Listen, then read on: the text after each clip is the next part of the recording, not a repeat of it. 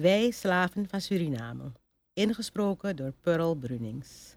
Gouverneur op parade. Op 28 augustus 1833 vond de volledige emancipatie plaats der slaven in de Engelse koloniën. In 1848 volgde Frankrijk dit voorbeeld. Het moest tot 1 juli 1863 duren voordat Nederland in zijn kolonie Suriname gedwongen was dit voorbeeld te volgen. Wij willen de gouverneurs onder de loep nemen om te zien met hoeveel ernst en toewijding zij de voorbereiding deze bevrijding ter hand hebben genomen. Schmidt of Altenstad nam het bewind van baron van Raders over. Een ziekelijk man zonder geestkracht, een speelbal der reactionairen. Hij kende slechts één hartstocht: het invoeren van bezuinigingen. De geschiedschrijver getuigt van hem dat hij een verrotte boel naliet waarvan de herstellingen het driedubbele zijner zogenaamde besparingen gekost hebben. Wel werden onder druk van de publieke opinie in Nederland tijdens zijn bestuur enkele verbeteringen in het slavenreglement aangebracht, zoals betere voeding en kleding, doch ingrijpend waren deze niet, terwijl de planters zich er bovendien niets van aantrokken. Na het aftreden van Schmidt of Altenstadt in 1855 regeert Schimpf, Zoals de naam van deze generaal-majoor titulair een mengsel was van Franse en Duitse klanken, Charles-Pierre Schimpf. Zo waren zijn bestuurshandelingen een mengsel van goed en kwaad, waarbij echter in de loop der tijd de kwade steeds duidelijker domineerden, toen hij volkomen onder de invloed van de reactionaire partij geraakte. Onder Schimpf vielen vele winstgevende betrekkingen toe aan vrienden en bekenden. Onder Schimpf verving dwaze speelzucht de verdwaasde zuinigheid van zijn voorganger. Onder Schimpf maakte men van het slavenreglement een holle klank en werd naast de gezelstraffen de dwangarbeid ingevoerd, wat intussen niet wegnam dat Schimpf in een officieel rapport aan de regering bericht dat slavernij in Suriname slechts in naam bestond. Onder Schimpf werden opnieuw de bospatrouilles uitgezonden, de weggelopen slaven gegezeld en het slavenreglement geschonden, zodat de straf op misbruik van macht voor de meesters meer in naam dan in werkelijkheid bestond.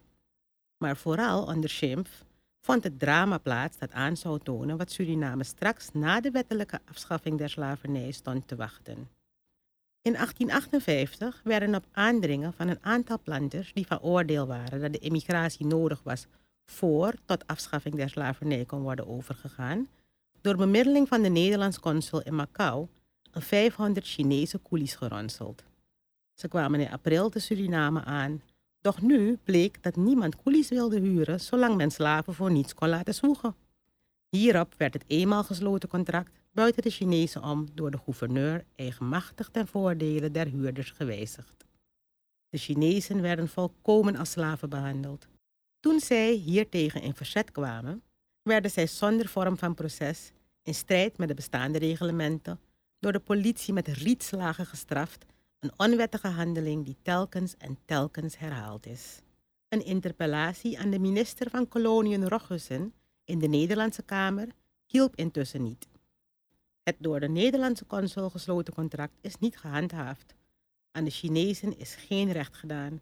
Zij waren wettelijk geen slaven, maar tussen de woorden wettelijk en werkelijk bestond het volle verschil van recht en macht, van menselijkheid en winzucht. Dan neemt in 1859 gouverneur van Landsbergen het bewind over de kolonie over en geniet de twijfelachtige eer om diep in de 19e eeuw en wel in 1861 nogmaals met geweld van wapenen een formele slavenopstand te onderdrukken. In dat jaar verlieten vele slaven uit het district Coroni hun meesters en trachten Demerara te bereiken, waar zij hoopten onder Engels regime de vrijheid te winnen. De koloniale regering in Suriname zond haar zogenaamde Blanke Commissie met troepen erop uit om de opstand te dempen en op de meest barbaarse wijze werden de gevangenen behandeld. Ook op de houtplantage Berg en Dal aan de boven Suriname geraakten de slaven in opstand. Ook daar werd de zogenaamde Blanke Commissie met haar troepen gezonden om in naam der koloniale regering de opstand met geweld te onderdrukken. Bij deze gelegenheid bewees de kerk die nog heden over uitgestrekte bezittingen in Suriname beschikt, dat het koloniale regime van haar niets te duchten had. Ze herstelde hiermede de grote fout die in 1848 door Otto Tank hoofdvoorstander van de zending der Evangelische Broedergemeente, gemaakt was toen hij het gewaagd had in een circulaire aan de eigenaren en administrateurs in Nederland de gruwelen der slavernij aan de kaak te stellen. Om het verwijt te ontgaan dat wij hier de rol der kerk te zwart schilderen, laten wij enkele ogenblikken een vurig bewonderaar der zending aan het woord.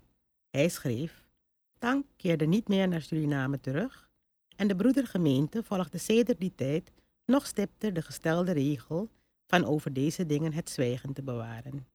Om niet alles te verliezen, moesten zij de slavenhouders veel toegeven, onder andere de schending van het sacrament des huwelijks, doordat het aan slaven verboden was wettig te trouwen. Om de arme slaven enige droppels uit de volle beker des evangelies toe te kunnen dienen, getroosten zij zich te zwijgen waar zwijgen soms moeilijk viel. Wij veroordelen de lieve broeders daarom niet. Ofschoon, volgens onze overtuiging, spreken meermalen plicht waren geweest. Zolang de wettelijke slavernij in de kolonie bestond, is de zending onder de betrekkelijk onbelangrijke indianenstammen geduld, de kerstening der negers echter met alle kracht tegengewerkt, omdat blanke hoogmoed niet dulde dat slaven dezelfde godsdienst als hun meesters zouden hebben.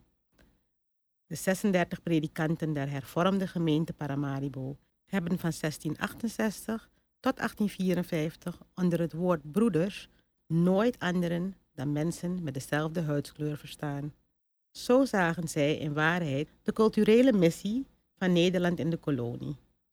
Pas toen het einde der slavernij in zicht kwam, zag men in kerstening der zwarten op basis van het Hollandse sectewezen een middel om de zwarten, tot zelfs volgens hun kleding, onderling te verdelen. Pas toen de slavernij afgeschaft was, greep men naar de Bijbel om op spirituele gronden dezelfde gehoorzaamheid aan te kweken.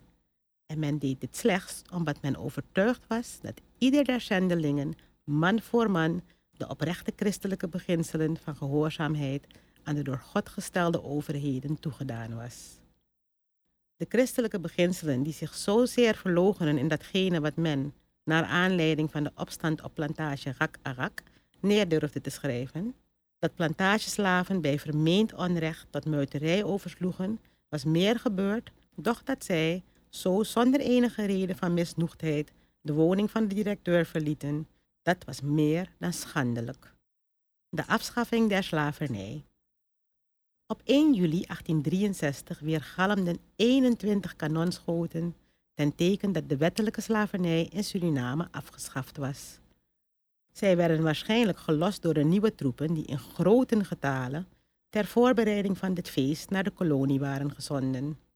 Zij vormden in ieder geval een schrille echo op de schoten die nog zo onlangs in het najaar van 1862 door de soldaten van kapitein Steenbergen waren gelost.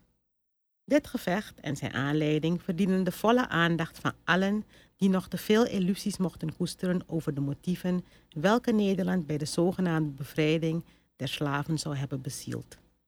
Toen het eenmaal vaststond dat het anachronisme der slavernij tussen twee geëmancipeerde kolonies, waarheen de slaven als door de bodem van een lekke ton vloeiden, niet langer gehandhaafd kon blijven, trachtte men natuurlijk dit proces der emancipatie zo gunstig mogelijk voor te bereiden. Staatscommissies van 1853 en 1861 hadden de kwadratuur van de cirkel op te lossen door te onderzoeken hoe men de slavernij op kon heffen zonder dat de belanghebbenden schade leden. Wanneer men bedenkt dat er meer dan 100.000, zeggen 100.000 Surinamers als slaven in 3,5 eeuw hard gewerkt hebben voor Holland en niets hiervoor betaald kregen, wie zou dan het recht betwisten wanneer het Surinaamse volk daarom een eis stelde aan het land dat aan dit onmenswaardig stelsel de welvaart van zijn kolonie dankte? Het is begrijpelijk dat de commissie, waarin natuurlijk geen zoons van ons ras zitting had, alleen keek naar de belangen der rijke vermogende slavenbezitters en bepaalde dat deze voor elke vrijgelaten slaaf een schadeloosstelling van 300 gulden, zeggen 300 gulden, zouden ontvangen. Nu ging het er maar om zo snel mogelijk de voorraad te investeren. Hoe meer slaven, hoe meer duiten. Commissies werden ingesteld om de slaven te registreren, hun ouderdom bij benadering vast te stellen en hen op de koop toe met een Hollandse naam te vereren, zodat Jansen, Krijnsen, de kom en dergelijke schone namen in de plaats kwamen voor jou, Kojo, Abenibo en dergelijke, die wij van onze vaders erfden. Toen het eenmaal zover was, ontwaakte echter in het hart van vele plantagebezitters de hebzucht. Hoe 300 gulden zou men ontvangen voor iedere slaaf, en dan te bedenken dat er in de bossen nog honderden marons rondliepen die eenmaal hun wettig eigendom geweest waren en waarvoor zij thans geen cent zouden ontvangen, welk een onrechtvaardigheid! En het gouvernement, dat waarschijnlijk geld te veel had, trachtte de plantagebezitters te helpen met een publicatie van 20 oktober 1862, waarbij aan alle marons amnestie beloofd werd. Toen dat niet hielp, volgde een berichtje van deze inhoud. Aan alle slaven die in vroegere en latere jaren en nog in de laatste tijd zijn weggelopen, wordt verzekerd dat zij ter zake van dat weglopen niet zullen worden gestraft. Degenen die in de kampen der weglopers geboren zijn, kunnen ook onbeschroomd zich begeven tot de meesters of naar de plantages die hun bekend zijn als die hunner moeders of grootmoeders. Het klonk zeer schoon, doch de Marons, die waarschijnlijk een voorgevoel hadden van het soort vrijheid dat hun straks stond te wachten, bedankten ervoor om vrijwillig op de lijmstok te komen zitten. En ziet, toen het zoete fluitende vogelaar niet baatte, toen kwam het net op de proppen en op de schone publicatie van Van Landsbergen, waarbij de vrijheid beloofd werd, volgde in het jaar 1862 een bostocht om de ontvluchte slaven te vangen. Het koloniaal bestuur zond zekere kapitein Steenbergen erop uit ten einde te trachten de Marons te doen terugkeren. Er ontstond een hevig gevecht waarbij de blanken verplicht waren zich onverwijld terug te trekken. De gouverneur die hiervan bericht ontving, zond een versterking van blanke kolonialen om gezamenlijk met de troepen van Steenbergen het kamp te vernielen. Steenbergen was nauwelijks in het bos of de opstandelingen openden een hevig vuur, waardoor verscheidene blanken dodelijk getroffen werden. De soldaten gaven eveneens vuur en men liet zelfs de draaibussen der marine op de opstandelingen richten. Deze slaagden er echter in zich met medeneming van hun gekwetsten in veiligheid te brengen en Steenbergen moest onverrichte zaken aftrekken. Door hem is ook het laatste hoofdstuk der wettelijke slavernij met bloed geschreven. Eerst na de emancipatie sloot de koloniale regering door bemiddeling van de Moravische broeder Drexler vrede met de Marons. De vrijheid? Wat toch, zo redeneerde Lingue, heeft de maatschappij in de plaats der slaven gekregen? De zogenaamde vrije dienstbaarheid. Doch het geschenk der vrijmaking op die wijze is niets anders dan de krans waarmee men het slachtoffer tooit. Een ware bespotting. Slavernij is dan beter en zachter. Nu eenmaal het wezen der maatschappij daarin bestaat dat de rijke niet werkt, is dienstbaarheid slechts een zachte naam voor een nog harder zaak dan slavernij was. De slaaf werd tenminste gevoed, zelfs als hij niet werkte, zoals onze paarden die alle dagen hooi in de ruif vinden. Maar wat wordt er van de vrije dagloner, die dikwijls slecht betaald wordt als hij werkt? Wat wordt er van hem als hij niet werkt? Hij is vrij, maar zie daar zijn ongeluk. Hij behoort aan niemand, maar niemand heeft hart voor hem. Wanneer men hem nodig heeft, huurt men hem zo goedkoop als het kan. Het armzalige loon dat men hem belooft, staat in geldwaarde ter nood gelijk met de prijs van het voedsel van de dag die hij in arbeid levert. Men stelt opzichters aan om hem te dwingen stiptelijk zijn taak te volbrengen. Men haast hem men zet hem aan uit angst dat hij er iets op uitvindt om de helft van zijn kracht te verbergen, ten einde langer aan het werk te blijven. De inhalige zuinigheid van de werkgever volgt zijn arbeid met onrustige blik, overlaat hem met verwijten bij de minste stilstand die hij zich schijnt te gunnen, en, indien hij een ogenblik rust neemt, beweert zij dat hij haar besteelt. Heeft hij gedaan, dan zendt men hem weg, zoals men hem genomen heeft, met de koudste onverschilligheid en zonder er zich over te bekommeren of de twintig of dertig stuivers die hij met zuur dagwerk heeft verdiend, voldoende zullen zijn tot zijn onderhoud, voor het geval dat hij de daaropvolgende dag geen werk vindt. Ook thans nog bevatten de woorden van Linguet veel waars. Ook al wordt ieder jaar op 1 juli de dag der bevrijding met veel vertoon en vreugde in Suriname gevierd. Laat men ons aantonen dat de Surinamers in de ware zin des woords vrij zijn, dat ze niet meer gedwongen worden hun arbeidskracht te verkopen, zij het dan op andere wijze dan tijdens het tijdperk der slavernij. Wij zeggen u, de lichamelijke pijnbanken zijn veelal door zielskwellingen, armoede en gebrek vervangen. Het is alsof men ons uit het vuur gehaald heeft om ons, zonder dat wij zwemmen konden, in de golven van de Atlantische Oceaan te werpen.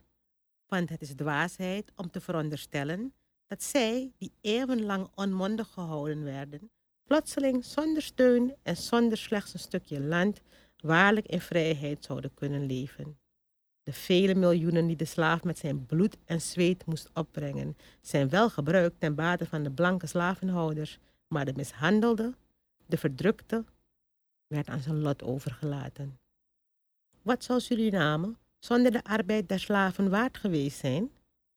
En toch is er voor deze Surinamers bij de zogenaamde emancipatie niets gedaan. In niets is men de arme vrijgelatenen tegemoet gekomen. Integendeel, de hele emancipatie der slaven werd zo ingericht dat de vrijgelatenen geen andere keus zouden hebben dan het vrijwillig wederopnemen der slavernij, die men zojuist wettelijk afgeschaft had. Terwijl de kolonisten 300 gulden per slaaf ontvingen, konden de vrijgelaten slaven zelf geen rode cent hun eigendom noemen. Zij waren vrij, doch zonder middelen om ook maar een enkele dag voor zichzelf te kunnen zorgen. Ze ontvingen geen land zoals vroeger de Europese kolonisten. Zij ontvingen geen landbouwonderwijs om later op de kostgronden voor zichzelf te kunnen zorgen. Zij kregen geen krediet om zich op gepacht land de gereedschappen te kunnen verschaffen die voor het bewerken van de akkers nodig waren. Het enige dat zij ontvingen was de mededeling dat alle plantageslaven van 15 tot 60 jaar verplicht waren om koeliecontracten te sluiten tot het verrichten van plantagearbeid. Ook zij die in de stad woonden, stadslaven, moesten contracten sluiten voor het verrichten van huisarbeid. Het loon werd natuurlijk voor, bij en buiten hen om vastgesteld. Zo zag de vrijheid eruit onder het zogeheten staatstoezicht. De grote uitverkoop. Het wordt u, Nederlanders, reeds op de scholen bijgebracht dat de vrijlating der slaven de ondergang heeft betekend voor de tot die tijd welvarende kolonie Suriname. Wij kunnen deze legende niet beter bestrijden dan door nogmaals de uitstekende kenner der kolonie, J. Wolbers, te citeren en de woorden te vermelden waarin hij enkele jaren voor de afschaffing der slavernij de toestand der kolonie kenschetst. Hij schrijft: Wel hebben enige individuen stoffelijke voordelen onder het stelsel der slavernij genoten. Het getal evenwel derzelfde was gering en een nauwgezet onderzoek der geschiedkundige bronnen, waarvan hier de resultaten zijn medegedeeld, heeft mij volkomen overtuigd dat Suriname nimmer een wezenlijke bloei of een degelijke welvaart heeft gekend en thans, terwijl slavernij nog tot schande van de Nederlandse naam in een Nederlandse bezitting bestaat, kwijnen handel en landbouw in de kolonie. Is er in de laatste jaren meer uitbreiding aan de suikercultuur gegeven en is de opbrengst daarvan vrij aanzienlijk. Andere culturen zijn grotendeels vervallen en die uitbreiding der suikercultuur geschiet ten koste van het leven en de gezondheid der slavenmacht. Enkele gunstige jaren uitgezonderd neemt het getal der slaven, de productiekracht van Suriname, gestadig af. Gedurende de onzekerheid, de twijfeling, die ten deze reeds zoveel jaren heeft geheerst, wordt de ondernemingszucht uitgedoofd. Zijn er enigen die zich hierover niet bekommeren, die voortgaande slaven uit te mergelen om een dergelijke stoffelijke winst en verder redeneren après nous le déluge, of die, gelijk de schrift een dwaze voorstelt, in zorgeloze lichtzinnigheid zeggen, laat ons eten en drinken, want morgen sterven wij. Het betere gedeelte, de kern der vrije bevolking, ziet ook verlangend uit naar de afschaffing der slavernij, daar slavernij alle ontwikkeling tegenhoudt en Suriname bij een langer voortduren van dat verderfelijk stelsel noodzakelijk ten val moet komen. En ook het gezegde van de zogenaamde luiheid der vrijgelaten slaven wordt afdoende weerlegd wanneer een zekere R.E. in het Surinaamse weekblad van 23 september 1860 opmerkt: Zeker is het dat de armoede des vrijmans niet altijd uit luiheid voortkomt. In 1860 zelfs boden enige dierlieden zich aan tot het verrichten van delfwerk, het zwaarste werk op plantages, doch zij vochten geen gereden huurders, niet tegenstaande door slavenmannen zo dikwijls over het gebrek aan arbeiders geklaagd wordt. Hadden die vrijlieden het voordeel tegen plantagearbeid overwonnen? De planter wilde geen vrije nevens zijn slaven dulden, zodat ook eerst na afschaffing der slavernij in deze verbetering te hopen is. Deze verwachting is niet bewaarheid en wel omdat alle humanisten die zo redeneerden, rekenden buiten de waard, namelijk de mentaliteit der heersende klassen die dezelfde bleef, hoezeer men dan ook de wet mocht veranderen. Een mentaliteit van lichtzinnigheid en onzedelijkheid, zodanig dat in 1858 83 wettige kinderen geboren werden tegen 255 onwettige, dat Wolbers moest schrijven over mannen die tegelijkertijd met zeven of acht slavinnen betrekkingen onderhouden, die er heden één wegjagen, morgen één bijnemen, terwijl de slavinnen gedwongen worden zich aan de lusten hunner meesters te onderwerpen. Een mentaliteit welke zelf weer het gevolg was van de slavernij, want terecht merkt hij op, dit afschuwelijk stelsel demoraliseert niet slechts de slaaf, maar ook de vrije.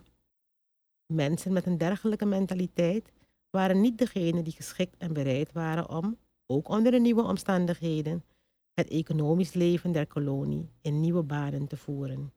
Het geld dat zij voor hun slaven ontvingen, bood hun slechts de goede kans zich voorgoed uit alle beslommeringen terug te trekken, hun plantages achter te laten, om in het moederland met het verworven kapitaal goede sier te gaan maken. De meeste eigenaars en beheerders vreesden dat met de emancipatie hun hoge winsten en dividenden zouden verdwijnen. Ze begonnen zich te ontdoen van hun bezittingen, die voor ieder redelijk bod aan slopers verkocht werden. Op de suikerplantages bijvoorbeeld werd al het aanwezige suikerriet, rijp of onrijp, uit de grond gehaald of afgemalen. Op de koffieplantages rukte men de struiken met wortelen al uit de bodem. Het kapitaal verdween naar het buitenland, zodat zelfs de karige lonen herhaaldelijk niet uitbetaald konden worden. De ene plantage na de andere werd in een wildernis herschapen en waar nog gewerkt werd, gebeurde dit onder zodanige voorwaarden dat dadelijk na het beëindigen van het staatstoezicht de arbeiders in massa's deserteerden. De ondergang der kolonie is niet aan de luiheid der slaven, maar aan de hebzucht hunner meesters te wijten.